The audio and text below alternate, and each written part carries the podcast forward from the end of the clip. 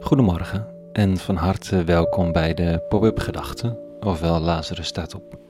Ik ben Rico en ik schrijf overwegingen om de dag mee te beginnen. Vandaag met de titel Hoe het je soms zwaar te moede kan zijn. Pop-up Gedachten maandag 20 september 2021. De week moet nog maar beginnen en het gaat al over hoe het je soms zwaar te moede kan zijn. Heb je niet iets opwekkenders of opbeurenders in de ochtend? Nou ja, de een begint nou eenmaal de week vol energie en moet dan aan het eind hard duwen om het laatste restje week af te maken. De ander ziet al huizenhoog er tegenop voordat de week begint. Omdat er verdriet is of angst voor wat er komen gaat. Dat hoeft niet per se deprimerend te zijn, dat is hoe het is. En als het niet jouw verdriet is, dan is het misschien extra reden tot dankbaarheid en verantwoordelijkheid. Als het wel jouw verdriet is, dan is het wellicht ook fijn om te weten dat het niet zo aan het begin van de week onder stoelen of banken hoeft te worden geschoven, omdat je anders anderen maar zou deprimeren. Zelfs zit ik vanochtend in een klooster in Huus hier geen spaarzame cellen voor gasten die even het leven willen delen van de monniken, maar goed verzorgde, chique kamers naast een pracht van een kerk. Ook hier is verdriet en verlating te vinden. Er zijn nog maar een handjevol monniken over en zij zijn allen oud.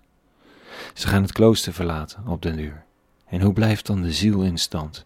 Komen er dan alleen nog mensen voor cursussen of trainingen, zoals wij die vanochtend geven? Een tweedaagse over het vormgeven van je eigen rituelen? We zien er naar uit om dat te geven, maar de vraag hoe het hier behouden blijft, als plek van gebed die het altijd is geweest, die hangt hier voelbaar in de lucht. Ik lees vandaag uit een psalm, een gedicht. Dit staat er. Die onder tranen zaaien, zij oogsten met gejuich. Vol zorgen gaan ze uit met zaaizakken beladen, maar keren zingend weer, beladen met hun schoven. Het is toen en dan, ver voor Christus, dat er een lied gezongen wordt omdat een volk weer terug kan keren naar land van herkomst, naar de eigen grond. Maar er zit ook iets instructiefs in, iets wat ik meeneem vandaag.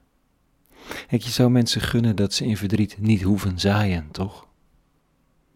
Als mensen iets te juichen hebben, is het veel logischer dat ze ook de energie hebben om ergens in te investeren. Maar nee, hier gaan de juichende mensen naar huis om te eten en gaan de huilende mensen uit om te zaaien. Dat beeld vanochtend. Dus in mijn verdriet of zorgen of twijfel, wat ben ik aan het zaaien? Blijkbaar is dat de tijd als ik deze teksten zo lees. Ik kan zelfs verdrietig worden van het zaaien zelf, van de investering, het stappen moeten zetten, terwijl je de opbrengst nog niet weet het achterlaten van waardevolle groeikracht in de aarde. En dan maar hopen dat je er iets van zult zien opkomen te zijner tijd. Verdriet en zaaien en investeren gaan zomaar hand in hand. En dan is er ergens ooit een opbrengst, zoals die van de oogst. En dat is een moment van vieren, van dankbaarheid, geluk, van opslaan van voorraad voor donkerder dagen. Het is dus niet reden om nu snel te gaan rekenen hoe nog meer winst te maken of nog harder te werken. Het is een tijd om zingend met schoven op de nek naar huis te keren en te danken.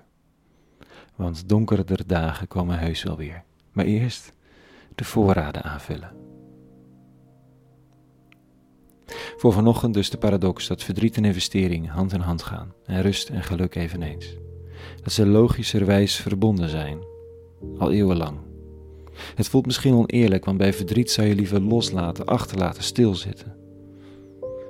Maar de hoop en de landbouw, van de landbouwer en het uithoudingsvermogen is ook in dit klooster voelbaar. Zaaien maar, investeren en dat doen ze.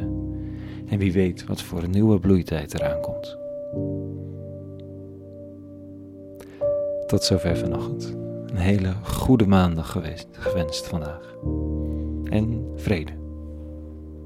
En alle goeds.